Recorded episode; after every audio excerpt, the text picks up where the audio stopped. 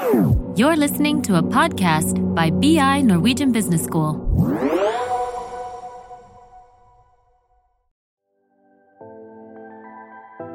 Velkommen til Karrierepraten, en podkast for karriereinnsikt og inspirasjon fra Handelshøyskolen BI. Overskriften i dag er fra trainee til CEO. Og vi er så heldige at vi har fått besøk av, og nå skal jeg sitere på baksiden av en bok som hun har skrevet. En helt vanlig norsk jente uten ekstraordinære ambisjoner og forutsetninger.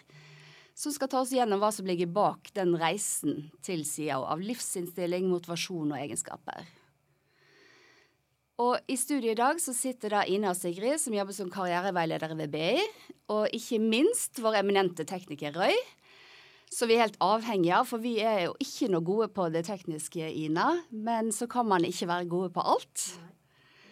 Eh, og det tenker jeg vi kanskje kommer litt tilbake til også når vi skal snakke med gjesten vår. For det er Anita Kohn Traaseth. Velkommen til oss. Det er så stas å ha deg her. Tusen takk. Og eh, jeg vet jo at du er en inspirasjon for veldig mange. Og det er veldig mange som vet hvem du er, men jeg kunne likevel tenkt meg at du presenterte deg selv for lytterne våre. Ja. Eh, jeg er jo da tidligere BI-student. Ja, ja det er du kan jo. vi begynne med det, siden jeg sitter her på BI. Ja. Um, Dæven, jeg blir 50 år i år. Hva skjer det? Ja, hva skjer? De årene gikk fort. Jeg er opprinnelig fra Sandefjord. En av tre søsken. Og er gift og har en sånn lappeteppefamilie med mine og dine, med tre døtre. Hvor, eh, hvor to av de, faktisk den ene eldste, er ferdig studert og er 26 år og er ute i arbeidslivet. Og Hanna på snart 20 skal begynne å studere nå, reiser til København. Og heldigvis lille Milla igjen på 13. Ja, koselig å ha en igjen, da. Ja, veldig. Vi håper at før hun flytter ut, så har kanskje de eldste fått barn. Sånn at da har vi sånn kontinuerlig Ja. tilfang av småbarn. Ja. Ja. Det høres ut som familie er viktig for deg, da. Det er kjempeviktig. Mm. Ja. Ja. Det var litt om det. Jeg syns alltid det er veldig spennende å høre når folk presenterer seg selv, for det blir veldig Man gjør det på disse forskjellige måter. Mm. Og så tenker jeg det er sikkert ikke tilfeldig at du går til Sandefjord og familien din og Nei, det er jo på en måte det konstante, da. Ikke sant? Fordi at eh, i løpet av et arbeidsliv så har vi jo ulike arbeidsgivere og ulike oppgaver.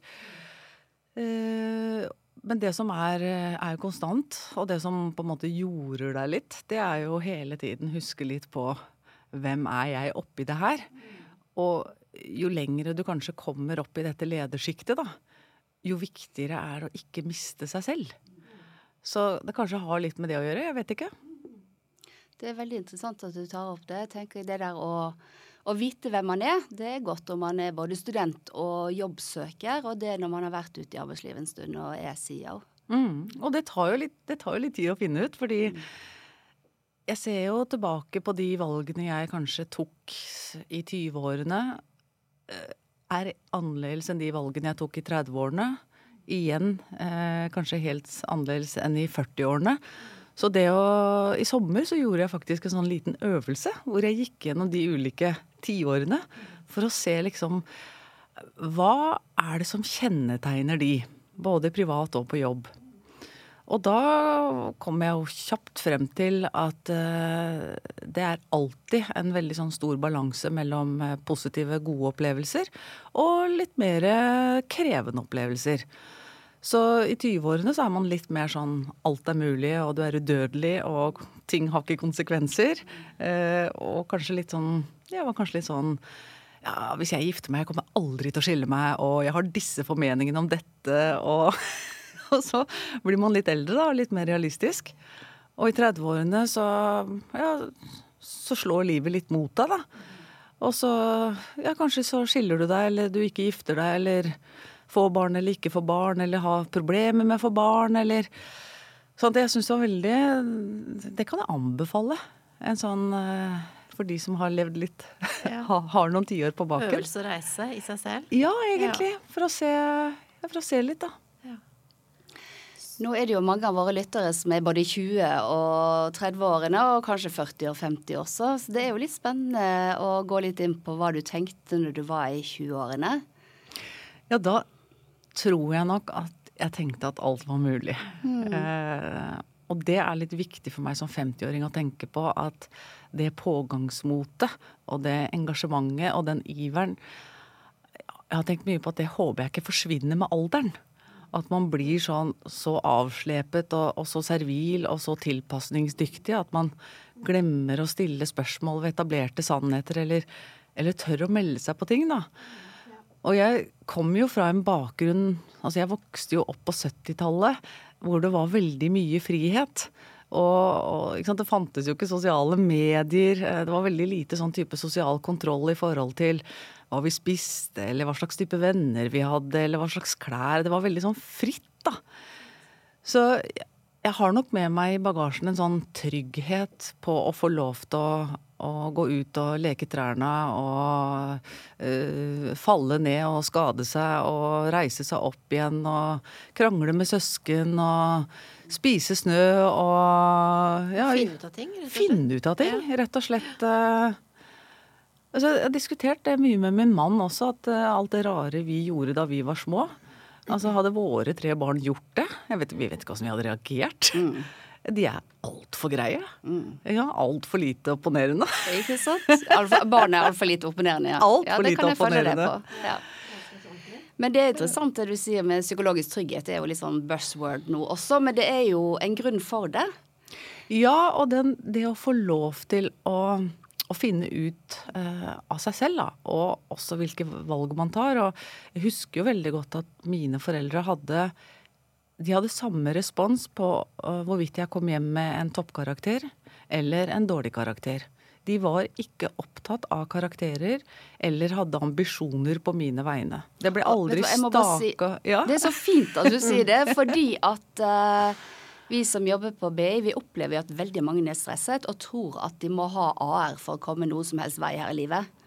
På ingen måte. Eh, og, og, der syns jeg mine foreldre gjorde en mye bedre jobb enn det jeg tror jeg har klart. Eh, de var veldig opptatt av at vi skulle utvikle altså robusthet, eh, tørre å si fra.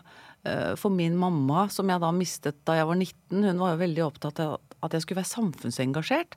At jeg skulle tørre å mene noe, stå opp for noe. Um, og har jo, jeg har jo alltid jobbet siden jeg var tolv, enten i nærradio eller sittet på samlebånd på Prior og plukka egg. Det var Altså, jeg føler jeg har fått med meg noe sånn veldig sunt hjemmefra da, som gjorde at da jeg ble 20-21 uh, og, og studerte, og da gikk jeg jo blant annet også på BI, og så gikk jeg i USA var veldig usikker på hva jeg skulle studere. Men det endte opp med, med kommunikasjon og ledelse. Fordi jeg tenkte at det er en såpass bred plattform at eh, alle bedrifter har jo bruk for det i en eller annen form. Eh, og så kom det, så husker jeg, da var jeg 24 år, eller kanskje jeg var 23 da den annonsen kom i Aftenposten. Det var to helsider. Og så sto det 'IBM søker flere kjedelige mennesker'. Så tenkte jeg dæven, dette var gøy. Det var spennende. Ja. ja. Altså bare den Dette er jo mange år siden, nå er jo dette 25 år siden. Ja, ja. Og to helsider og liksom søke flere kjedelige mennesker, det var min humor. Mm. og så var det jo bilde av en av lederne, da, som eh, spilte trommer. Og så var vel egentlig beskrivelsen av hva de var på jakt etter. Dette var en sånn samleannonse da, for ulike roller. Så skulle de bl.a. ha traineer. Eh, og da, Ina, var det jo litt sånn tradisjonelt. De skulle jo ha de beste, ikke sant. Du skal jo helst ha vært eh, sjef for et eller annet eh, studieparlament eller eh, ikke sant? De skulle ha sivilingeniører, eh, siviløkonomer. Det var liksom litt den tradisjonelle lista, men med en sånn kreativ eh, markedsføring, da. Og så gikk jeg ned på den lista, og da, da var jeg jo student. Og så skulle de ha liksom det ene og det andre. Jeg tenkte nei, men nei, ikke er jeg siviløkonom. og ikke har jeg vært i, i studentforeninger eller jeg var student, jeg festa, hadde gøy og gjorde helt eh, gjennomsnitt greit på skolen. Jeg la ikke noe særlig i det heller. Jeg bare syntes livet, studentlivet var gøy. er det ikke det man skal, tenkte jeg. Men jeg så på den søknaden, da, så, så fant jeg et punkt. Der sto det eh, et eller annet Jeg husker ikke akkurat formuleringen, men det, jeg tror det sto noe om at må være optimistisk og ha et godt humør. Da, tenkte, da kunne du sjekka. Ja! Ja. Da tenkte jeg det. Kan jeg levere på. Alt det andre kanskje ikke. Eh, men dette. Så da satte jeg meg ned og skrev en søknad. Og det er så utrolig viktig akkurat det du sier der, da, med at man behøver ikke å krysse av på alt. ikke sant? Man må finne noen punkter som man kjenner seg trygg i. da. Ja, det høres som du tenkte den veien, du også. Ja, og der dessverre er det litt sånn eh, Har det vist seg da at eh, det er flere jenter eller unge kvinner da, som vegrer seg mer for å søke når alle disse punktene Når de ikke tenker at de kan levere på det. Men vi må jo også huske at disse punktene er en ønskeliste.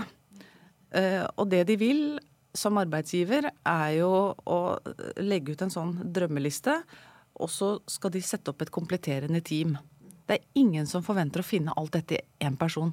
Det tror jeg kanskje vi som arbeidsgivere er for dårlige på.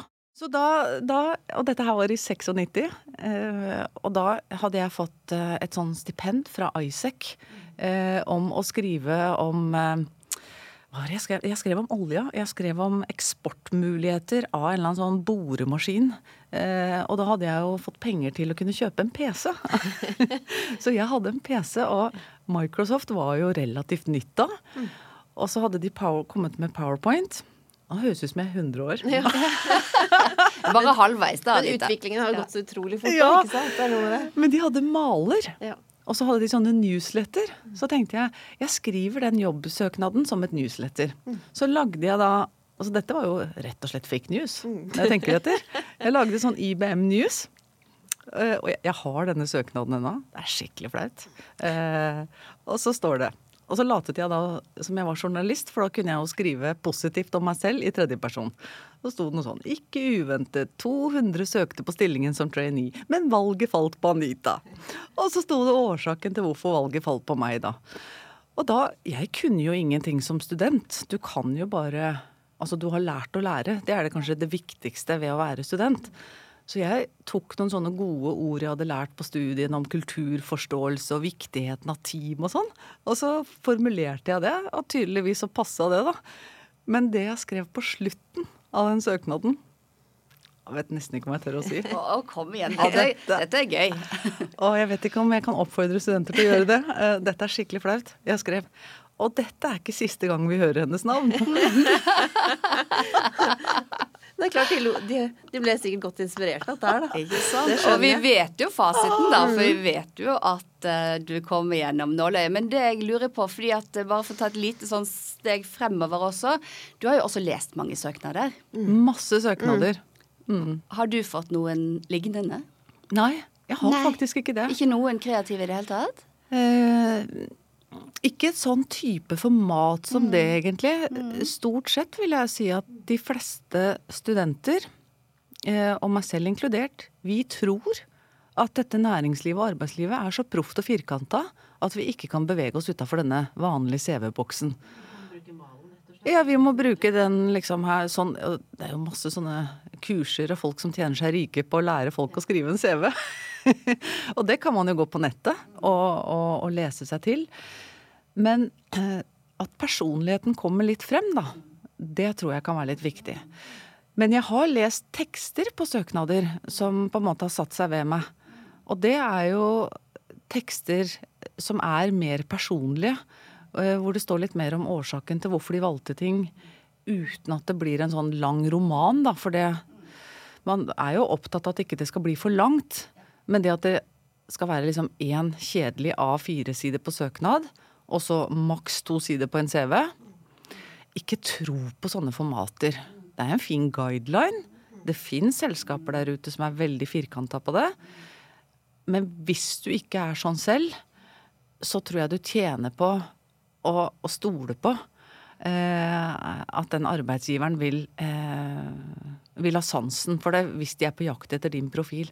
Og der hadde jeg så flaks, fordi på den andre enden av, eh, av denne søkerlisten, da, eh, IBM, hun som var leder for talentene der, hun eh, heter Anne Rørne Andreassen.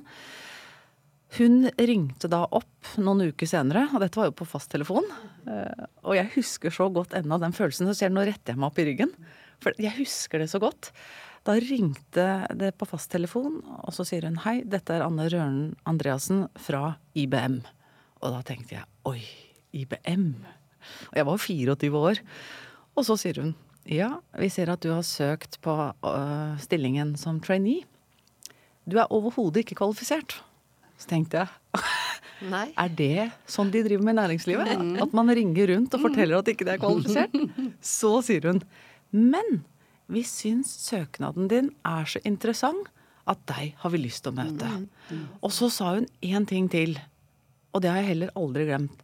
Så sier hun den er så interessant at jeg har lagt deg i A-bunken. Og tenk å få den beskjeden som 24-åring. At vet du hva, det Og det er en litt sånn oppfordring til arbeidsgivere også, da. At ser man et talent, eller får en søknad, eller et eller annet, vær raus med adjektivene da. For jeg sitter nå som 50-åring og kan referere til hvor viktig det var for meg å få Ja. den beskjeden. Fikk en god start. Jeg fikk en så god start. Ja. Så da jeg ble kalt inn til eh, sånn uttaks eh, en helg, da, da hadde de jo samlet inn masse søkere. Og så ble vi i løpet av helgen rett og slett eh, stemt ut. Dette var reality, altså. Litt tidlig på. Eh, ja, Ja. bortsett fra at det ble jo ikke filma. Og da ble vi testet alt fra psykologiske tester til gruppeoppgaver. Alle topplederne i IBM var til stede. Eh, Det var også en så fin rekruttering. Eh, Det er mange år siden, og jeg vet ikke jeg vet ikke hvor mange som holder på med en sånn at de setter av en hel helg, og alle lederne er der, de går i dialog med disse unge talentene. Og så etter første dag så ble vi jo delt inn i to rom. Og vi ante jo ikke om det rommet vi kom i var bra eller ikke. Så når du kom inn i det ene rommet, så var det sånn du fikk en bok. Tusen takk for innsatsen, eh, men du har ikke gått videre. I det andre rommet som vi kom inn, så kom det en video med toppsjefen i IBM, Lou Gersner, som bare sto der på skjermen og sa 'You are the future'. Og jeg tenkte Jeg syns dette var stas. Jeg vet det er veldig amerikansk. Eh, men jeg likte det. Men dere ble tilfeldig plassert i de to rommene? Nei, vi har jo altså alt annet enn tilfeldig. Ja, Så dette var var etter evalueringen, ikke sant? Det var etter Ja, evaluering. Ja. Den første evalueringen. Mm. Så da hadde de jo et ganske godt grunnlag. De hadde jo både sett Mm. søknadene, vi hadde jo levert tester, eh, sånn at de også kunne på en måte Mm. måle IQ. Så måtte de jo måle EQ, og se hvordan er det vi er i, i som team i, i ulike masse rare oppgaver som vi var en del av. Og så, når det var ferdig, så var det da å komme eh, til neste dag. Og så var vi jo ikke så mange igjen, eh, men vi var også 14 som ble valgt ut. Og allerede da, for 25 år siden, så var det en bevissthet hos IBM på at de skulle ha syv kvinner og syv menn. Så jeg fikk en utrolig god start i arbeidslivet. Ja, det var der du begynte med å få Ja. like mange kvinner og menn? Ja, og jeg tenkte på det tidspunktet at her er det likestilling. I norsk næringsliv er det likestilling. Eh, helt til jeg ble leder. Da var det en annen.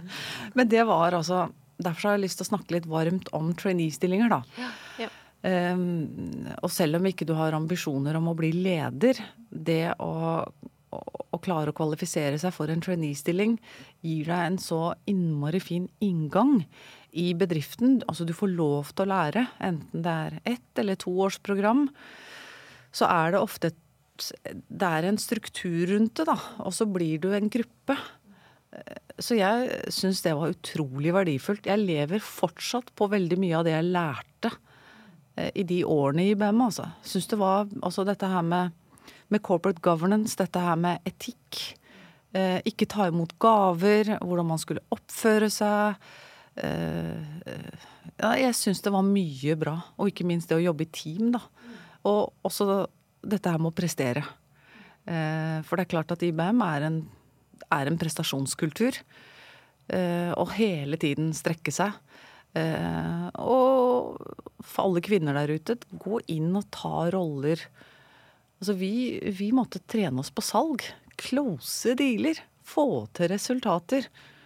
Og det å få det så tidlig som mulig, å være ansvarlig for budsjett og ansvarlig for eh, team og folk, det, det anbefaler jeg alle å få litt trening på. Det er mye vanskeligere enn det man lærer om her på BI. Ja, ja. Og sånn er det, fordi at man kan lære i teorien, men det å få lov å ut og prøve det i praksis. Ja. Men var det slik at du var da forskjellige steder i, eller forskjellige avdelinger da, i en viss tid? Nei, ikke dette programmet. Så jeg var i SMB-avdelingen og drev med det som het Winback. Eh, og det handla rett og slett om å hente tilbake kontrakter til IBM som IBM hadde tapt hos konkurrenten. Og det var kanskje noe av det hardeste salget. Og det syns jeg var gøy. Skulle jeg først lære meg det, så skulle jeg gjøre det skikkelig. Jeg skulle ha det tungt. Men du fikk vel ordentlig opplæring, gjorde du Ja, det? jeg hadde fantastiske Ja, ledere. Og, og ja, det må jeg si, jeg har hatt mye gode ledere opp gjennom karrieren. Masse gode både ledere og mentorer. Og jeg husker spesielt én episode. Da var jeg kanskje ja, 25, da. Da var det et kurs i å lære seg printere i IBM. Og jeg var jo i en avdeling hvor det stort sett bare var menn. Det var jo ikke så mange kvinner som holdt på med salg. Kvinnene holdt på med backoffice, eller holdt på med kontrakter, eller var sekretærer. Og så kommer sjefen min, og så sier han Anita, du skal ikke på det printerkurset. For da kommer alle disse gutta her til å rope på deg hver gang den printeren stopper. Var klok, han. Det er ikke det du skal bruke tiden din på. Ikke. Var ikke det litt kult? Jo. Jeg syns det var Absolutt. Ja, det må jeg takke han for ennå. Ja. Men resultatet er jo at eh, jeg er eh, håpløs når printeren stopper. Selv om jeg har jobbet i selskaper som selger verdens beste printere, både i IBM og HP, eh, så har jeg, tror jeg er på gjennomsnitt når det gjelder å håndtere en printer. Sant? Og da er vi litt inne på det at eh, det er forskjellige egenskaper og kunnskaper vi har, og du trenger ikke kunne alt. På ingen måte. Ja. Så da er det noen andre som kan disse printerne. Ja. Men du snakker om mentor. eh, Det vet jeg at du har hatt. Både hatt flere ganger og, Og har. og er selv. Og har. Ja. Ja, jeg ble introdusert for eh, mentorprinsippet og mentorbegrepet da jeg var i IBM. Det var jo også en del av trainee-programmet. Og da ble vi tildelt en mentor. Og der hadde jeg igjen kjempeflaks. Jeg fikk eh, Yngve Løberg, som var en av liksom de tunge seniorene på bank og finans. En fantastisk fyr. Og, og vi hadde da samtaler om, eh, om alt mulig, og det var jeg har vært heldig som helt nesten siden dag én i arbeidslivet har hatt en senior. Da. Så da jeg sluttet i IBM, så eh, spurte jeg om vi kunne ta vare på mentorrelasjonen. Eh, med Anne Rørne Andreassen på det tidspunktet. Ja. Så du har forskjellige mentorer Ja, underveis? ja, og det er også en greie at det er ikke noe sånn at man plukker én mentor i livet sitt. Nei. Fordi vi er hele tiden i bevegelse. Så Yngve Løberg var jo en suveren mentor for meg på salg og det å liksom forstå komplekse, svære bedrifter med 360 000 ansatte. Hvordan navigerer man i sånne konsern? Eh, Så jeg har hatt flere underveis. Og jeg må jo si at de mentorene som du også plukker ut selv Altså ikke vent på et mentorprogram. Eh, og heller ikke tenk at ja, men er jeg liksom verdig til å spørre en eller annen sånn sjef som skal bruke tid på meg? Det verste svaret du kan få, er nei. At det ikke passer. Jeg kan love alle studenter, eh, og jeg mener jo at det er mer enn studenter da, som burde ha mentorer. Det burde man også som litt mer erfaren leder ha, det å ha en sparringpartner. At det er en ære å bli spurt, eh, selv om man ikke har tid, da. Så da jeg eh, følte at jeg virkelig trengte en mentor, det var da jeg jobbet i Den Norske Veritas Software. Da var jeg rundt 30 år og direktør for eh, strategi. Og strategi, på en måte det øverste nivået du kan jobbe med strategi, er i styrerommet. Og dette her var jo på det tidspunktet hvor loven om kvotering kom inn i ASA-selskaper. Og så tenkte jeg at uh, dette her må jeg lære meg. Uh, så da eh, gikk jeg tilbake til B igjen. Eh, og det er viktig, det er ikke et sted man er ferdig med når man er 24 eller 26. Da tok jeg et masterprogram. Dere, hadde, dere har ikke det nå. Hvis jeg kan få oppfordre dere til å starte det på nytt igjen. Eh, det var et masterprogram i corporate governance eh, og verdier. Og det var Elbjørg Gui Standal, som dessverre nå er død, som hadde det programmet. Og det var altså så bra. Den tilnærmingen til å forstå styrerommet og administrasjon og samfunnet og alle de altså tverrfaglige disiplinene som går inn i et styrekollegium, var virkelig verdifullt. Så jeg meldte meg på, fikk det finansiert eh, istedenfor høyere lønn eh, av Norske Veritas. Og så tenkte jeg det er jo ikke nok å lese meg til det her. Jeg må jo snakke med en av disse gutta. For det var jo stort sett bare menn som satt i styrer i disse store selskapene. Så tenkte jeg, hvem er det jeg liksom har litt sånn sansen for? Eh, og da kom Harald Norvik opp. Han var da styreleder også for Oslo Børs. Jobbet veldig med åpenhet og corporate governance. Det passet meg. Og så hadde han jo vært konsernsjef i Statoil, nå Equinor. Og jeg jobbet jo i Norske Veritas, som jeg holdt jo mye på med maritim og shipping og olje og gass. Så Jeg tenkte han der, han spør jeg. Så satte jeg meg ned da på arbeidspulten min på Norske Veritas Software og bare sendte en kort mail. Veldig kort. Eh, jeg skrev hei, jeg heter Anita Krohn Traaseth. Eh, kan jeg få et møte? Ikke noe mer. Jeg la ikke ved noen ting. Og det var bevisst? Ja, fordi at eh, stort sett så har man ikke tid til å lese utredninger. Nei, sant. Gå rett på, ikke sant? Og så tenkte jeg han kommer jo sikkert ikke til å svare. Og så gikk det et par dager, og så ringer han meg da på telefon. Hei, det er Harald Norvik, hva vil du? Og jeg bare shit. og da sa jeg at jeg vil veldig gjerne ha en prat, sa jeg. Og så, da ble jeg jo nervøs. For da hadde jeg jo fått et møte med, med han. Og så ringte jeg min far, da. Så sa jeg, fordi han har jo jobba i oljebransjen i alle år, på plattform. Han vet veldig godt hvem Harald Norvik er. Og jeg visste også at de var på samme alder. Så sa jeg pappa, herregud, nå gruer jeg meg. Nå skal jeg møte selveste Harald Norvik. Og så sier pappa Harald? Men han er jo fra Snertingdalen, Anita. Og så begynner han å fortelle om Ja, For der er faren din derfra også? ja, og det er en liten bygd med 2000 innbyggere. og, og pappa begynner å fortelle om Haralds far, som var tannlege, ikke brukte bedøvelse, og det var liksom Og så sier han Og så tenkte jeg at hvis han er fra Snertingdalen, samme generasjon som pappa, og pappa som jo er så ålreit, da må jo han være ålreit òg. Så da kvinna jeg meg opp da, når jeg skulle møte han. Eh, som jeg alltid gjorde, gikk innom en baker og kjøpte litt gjærbakst. Husker du vi drev med det Ja, i Håpe? Ida? Bollebaking, ja. Eh, for å liksom uh, slappe av litt. Eh, og så eh, banker jeg på da, kontoret, eller på døra hans, og så sier jeg til ham Og jeg har bakgrunn fra Snertingdalen. Og da begynte praten. Da var jo isen helt brutt. Og en fantastisk mann, ikke sant, med massivt med livserfaring. Og så måtte jeg jo da komme til punktet da, og spørre om han ville bli min mentor, så jeg fortalte han litt om ideen. Om at jeg ville at strategi skulle bli håndverket mitt. Jeg syntes det var gøy. Og at jeg nå hadde meldt meg på et masterkurs på BI, men at jeg også måtte ha en operativ tilnærming. Og om han kunne bli min mentor. Og så ble det helt stille. Så tenkte jeg shit. Nå kommer han enten til å le eller bare Og så bare holder han blikket, kikker på meg, og så sier han ja, hvis du vil bli min. Ja, ikke sant? Altså, for en fyr. Ja. Jeg hadde så flaks. En Men det er så fantastisk fyr. fint at du deler den historien. Det er så mye ved den historien som uh, er så fint. Og det ene er jo det du sier at eh, Altså Harald Norvik, eh, vi som har levd en stund, vet at han var en big, eh, big hotshot altså, på den tiden. Eh, at du turte å ta en kontakt og tenke at vel, vel, jeg kan bare få nei. Og det andre er hvordan du skjønte at han er jo bare et menneske, han også. Det er så viktig, tenker jeg, å tenke på det at det, begge de to tingene, det er ikke farlig å spørre. Det verste man kan få er nei, og det er ikke noe farlig.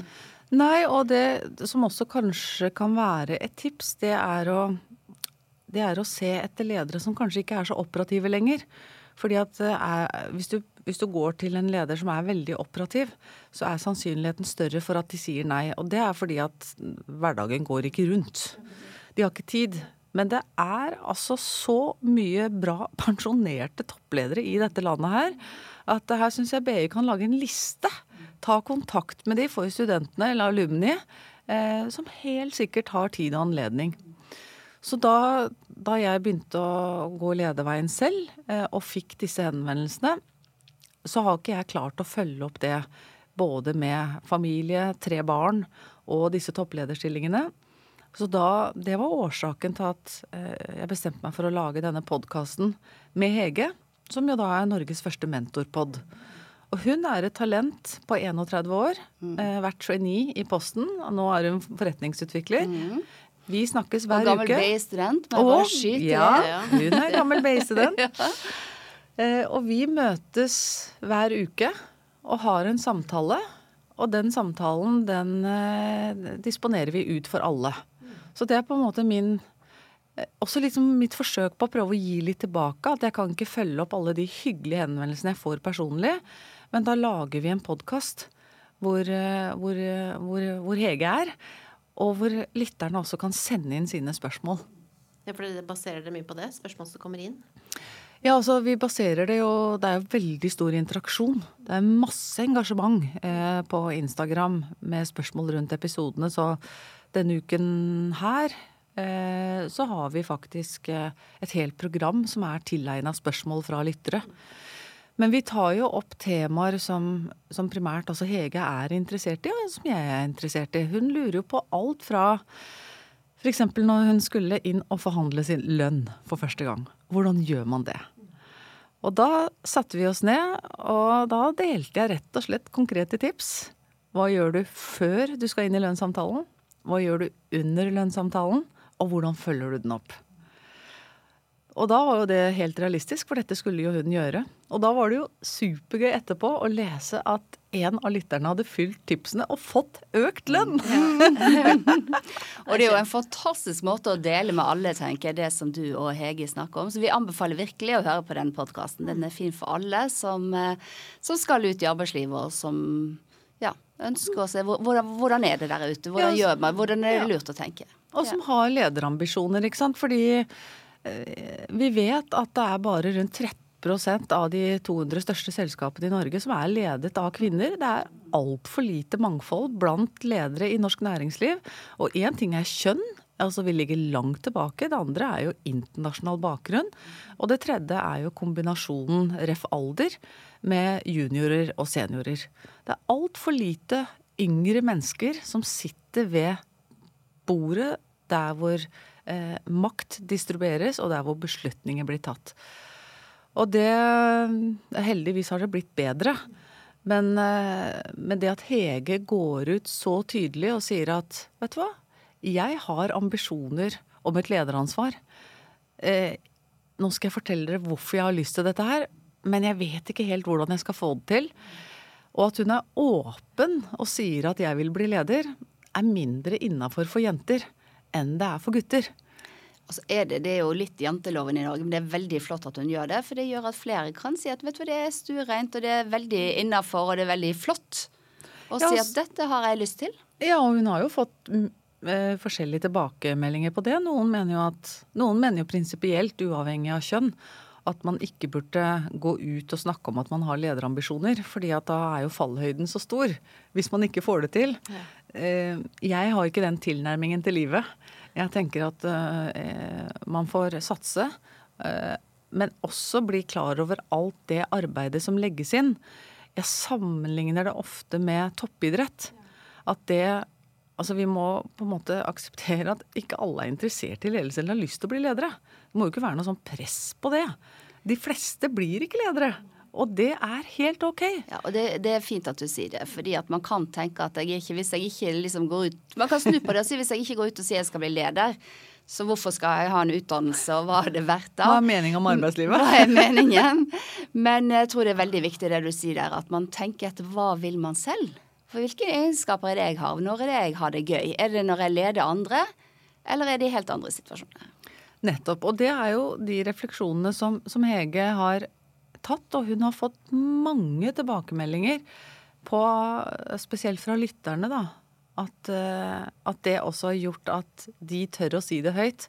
Og vi, vi hadde én tilbakemelding vi syntes var utrolig fin. Det var eh, faktisk en, eh, en kvinne på Vestlandet som hadde hørt på en av episodene, og så sendte hun en melding, og så sa hun søren heller, ok da, nå skal jeg tørre å, å søke den der avdelingslederjobben. Og vi bare ja, kom igjen nå, ikke sant? Og så tenkte vi jo ikke så mye mer på det, men så sendte hun oss en oppdatering et par måneder etterpå. Og så sto det 'Jeg fikk den'. Og da tenkte jeg, vet du hva, da er det verdt å bruke tid på å dele, selv om det også kommer kritikk fordi noen mener at ja, man burde ikke dele dette her, eller det er feil råd, eller Hvis det kan motivere noen til å tørre litt mer, så, så er det en bra ting, altså. Ja, og så tenker jeg det og den delingen som du snakker om, at eh, det er jo ofte vi ser at folk bare deler det som man er trygg på, det som har skjedd, og det som har vært vellykket. Men jeg har inntrykk av at både du og Hege for den saks skyld er veldig rause på å dele det som ikke har gått så bra opp igjennom. Og slik er jo livet. Ja, jeg kjenner ingen som på en måte har et, eh, et liv hvor, eh, hvor, hvor liksom veien har vært lite krevende når man har ambisjoner. Og, og igjen så kan vi jo gå til idretten, fordi dette er det samme Altså det å være toppleder er det samme som å være toppidrettsutøver. Da har du tatt noen valg, og for det første så er det et personlig valg. Det er litt viktig. Dette er ikke noe man tvinges inn i. Det er et personlig valg. Og la oss si du er god på langrenn, da, og du bestemmer deg for at vet du hva, jeg har lyst til å bli Norges beste, jeg har lyst til å komme på landslaget. Da, det, da vet vi fra idrettens verden at det krever mer trening. Vi vet at det krever lag. At du aldri kommer dit alene. At det handler om eh, å, å være team. Og ta vare på de som er rundt deg. Og så vet vi for det tredje at det handler om å få nei. Det handler om å ikke lykkes. Det handler om å søke på stillinger eller ikke bli tatt ut på landslaget. Det handler om tap av kretsmesterskap i tiår før du kommer dit. Og den samme forståelsen har vi ikke for det å bygge en lederkarriere i Norge, da. Og det prøver jeg å minne disse unge talentene på. At når de sier ja, men herregud, må jeg liksom jobbe så og så mye? Ja, det må du. det må legges inn eh, mye mer antall timer enn gjennomsnittet hvis du vil ha lederansvar. Mm. For hvis det, ikke du vinner jobben engang, så må du faktisk bare stå på videre og ja. trene litt mer? Ja, og da er det jo sånn at mellomledersjiktet er jo ofte det sjiktet hvor, hvor, vi trenes opp til det neste nivået, da. Fordi mm. da er frustrasjonen eh, komplett. Du har altså så mye ansvar og så mye oppgaver. Ofte samtidig så bygger du familie, enten du er mann eller kvinne. Det er små barn, du etablerer deg med hus den følelsen av utilstrekkelighet er altså så stor. Dette er stresstestnivå. Så kommer du deg gjennom det, så skal jeg love deg at på andre sida så blir det mindre stress. Sånn i forhold til det å kunne bestemme hvordan dagene dine ser ut. Det kan du gjøre i mye større grad som toppleder enn som mellomleder. Mm. Mm. Det er også et viktig budskap så gå hele veien, sier jeg altså. For det er det tok 16 år eh, før jeg tror jeg var trainee og gikk opp i en sånn litt større lederrolle. Det tar tid. Det er ikke gjort på et par år. Og det også går litt av de stegene å ta på seg litt ansvar underveis. Da. Kanskje begynne med noen få, med personalansvar.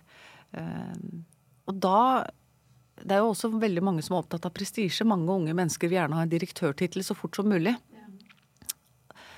Og de titlene betyr egentlig ingenting. Eh, og for arbeidsgivers side så det å gi noen en fin tittel betyr heller ikke noe. Man kan ikke ha en inflasjon av direktører. Det er jo ikke bra. Men heller tidlig ha fokus på den læringa og de erfaringene du får. Som den stillingen kanskje er i en avdeling som ikke er så hot, da. Det spiller noen rolle. Du lærer deg personalansvar for 20 stykker.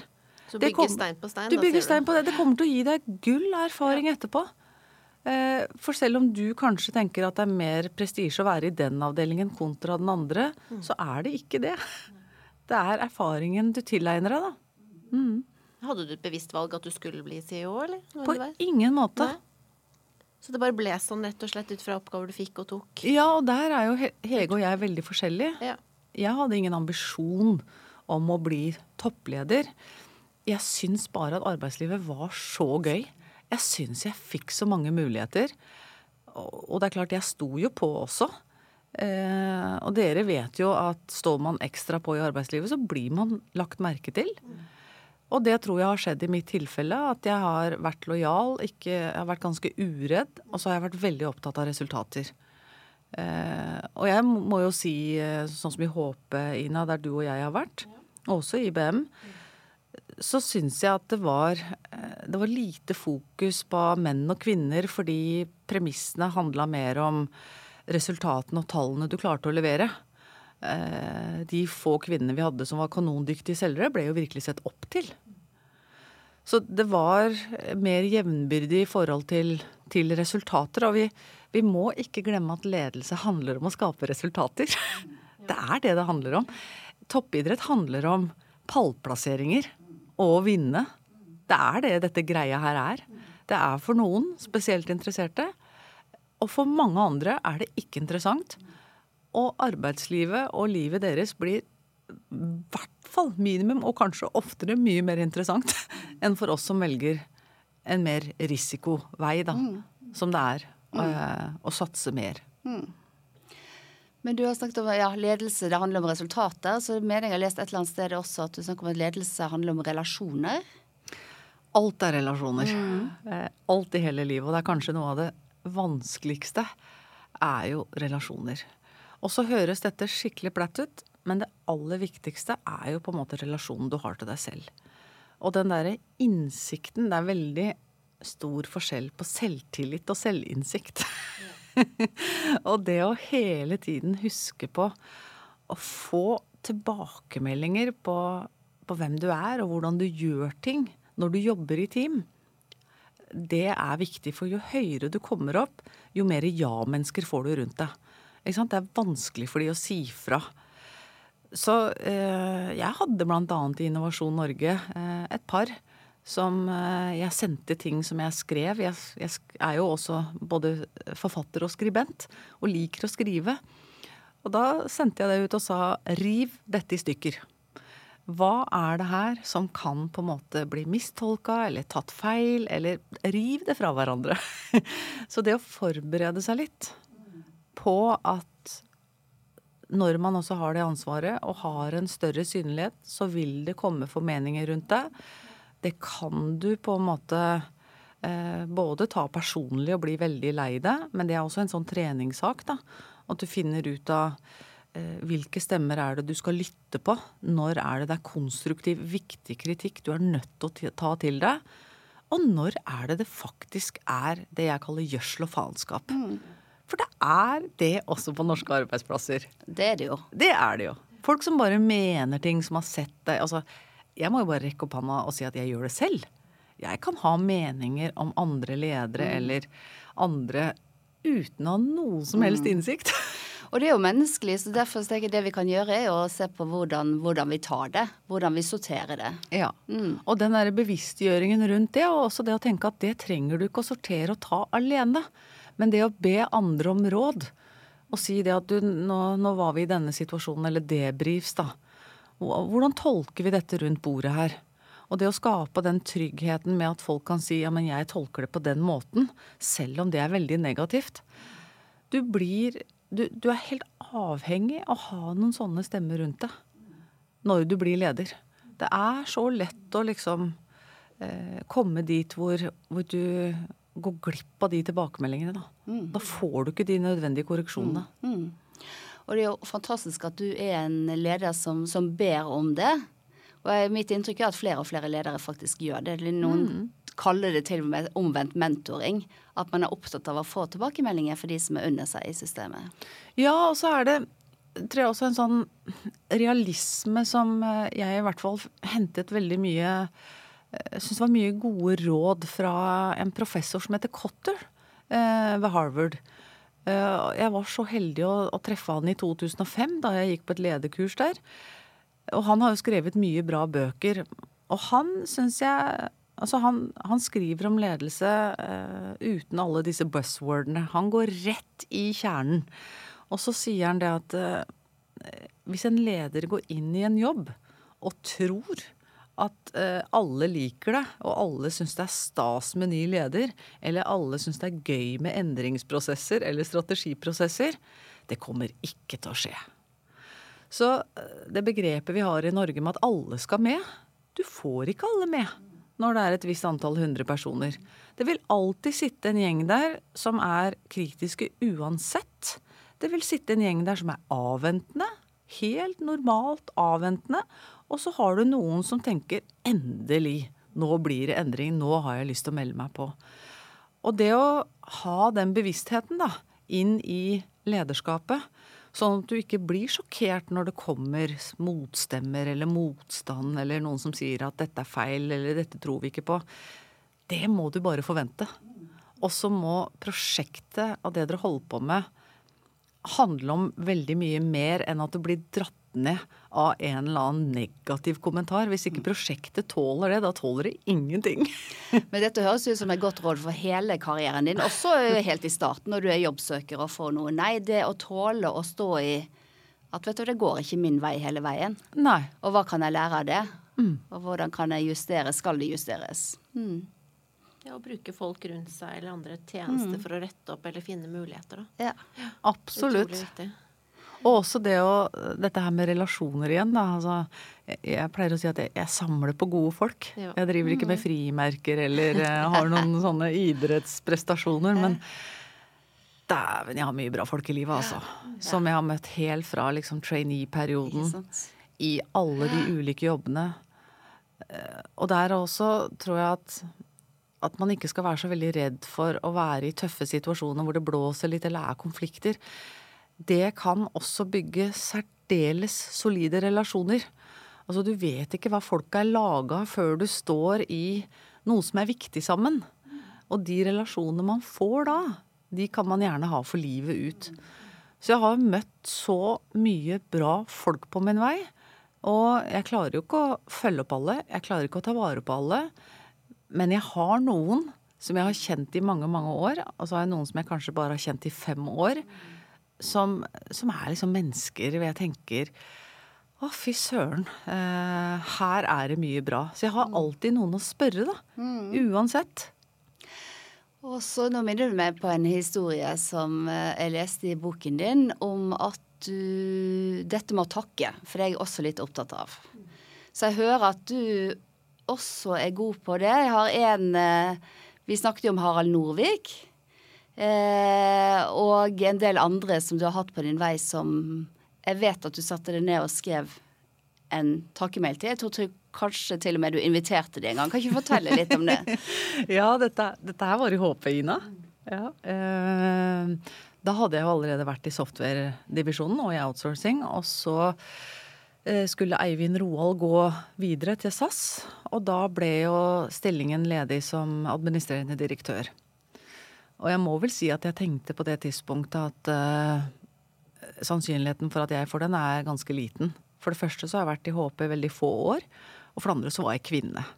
HP Norge hadde aldri hatt en kvinnelig administrerende. Ikke noen HP i noen nordiske land. Men så fikk jeg en oppfordring om å søke, og det er også litt sånn Jeg kunne jo ha gjort det av meg selv. Eh, men det er jo også noe med at når du skal søke på sånne stillinger som det, så er det ikke dumt at, at noen oppfordrer deg for å liksom bekrefte at du, du har en mulighet.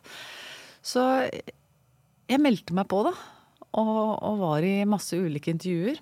Så var det på ett tidspunkt, jeg tror det var like før siste intervju, hvor selvfølelsen og selvinnsikten og selvtilliten og alt var på bånn. Og jeg mm. tenkte at det her fikser jeg ikke. Mm. Eh, altså nå får jeg bare Dette her kommer ikke til å gå. Eh, kommer ikke til å få den jobben der. Så begynte jeg å tenke sånne negative tanker. Og så jeg, det kan jeg ikke holde på med, fordi det kommer til å farve meg i avslutningsintervjuet. Nå må jeg jo bare kline til, ellers så får jeg jo ikke den jobben. Så da gjorde jeg det som heter å visualisere, da, har jeg skjønt i etterkant. At dette er eh, begreper for det. Men jeg satte meg ned og skrev en mail som jeg aldri sendte.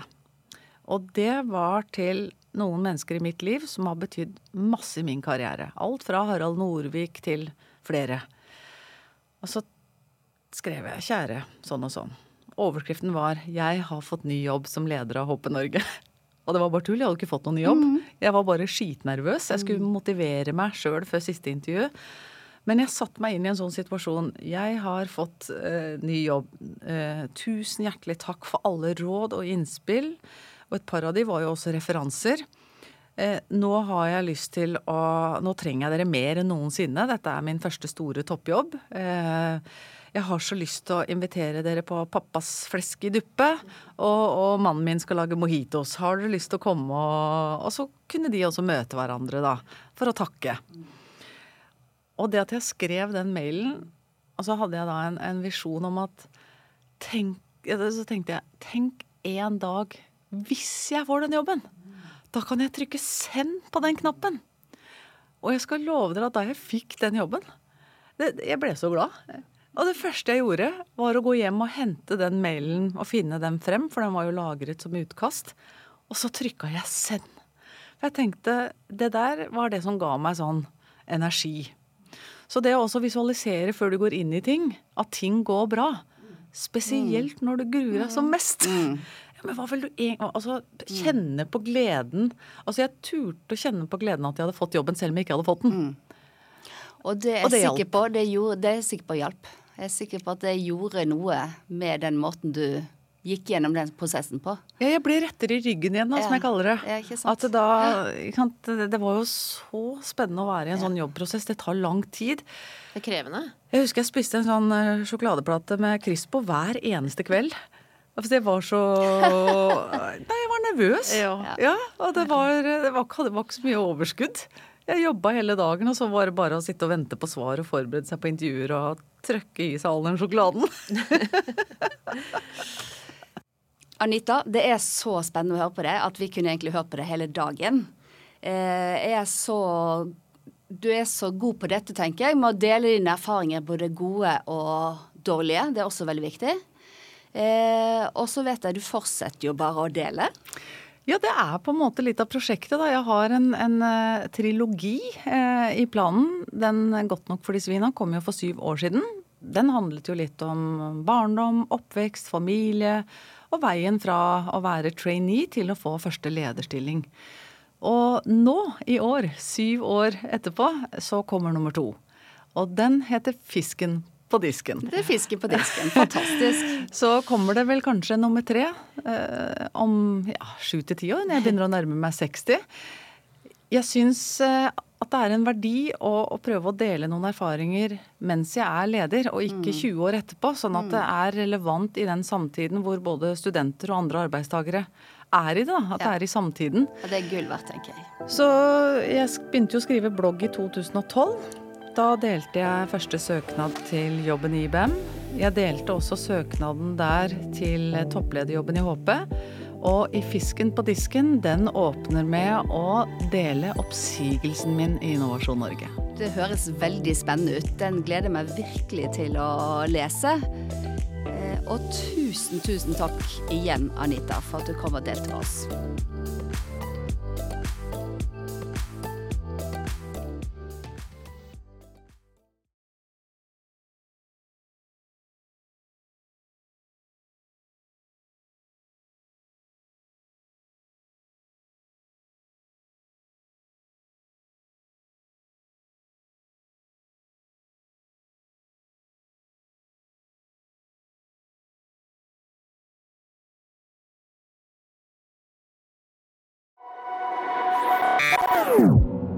This is a BI production. Listen to more podcasts. Go to bi.no slash podcasts.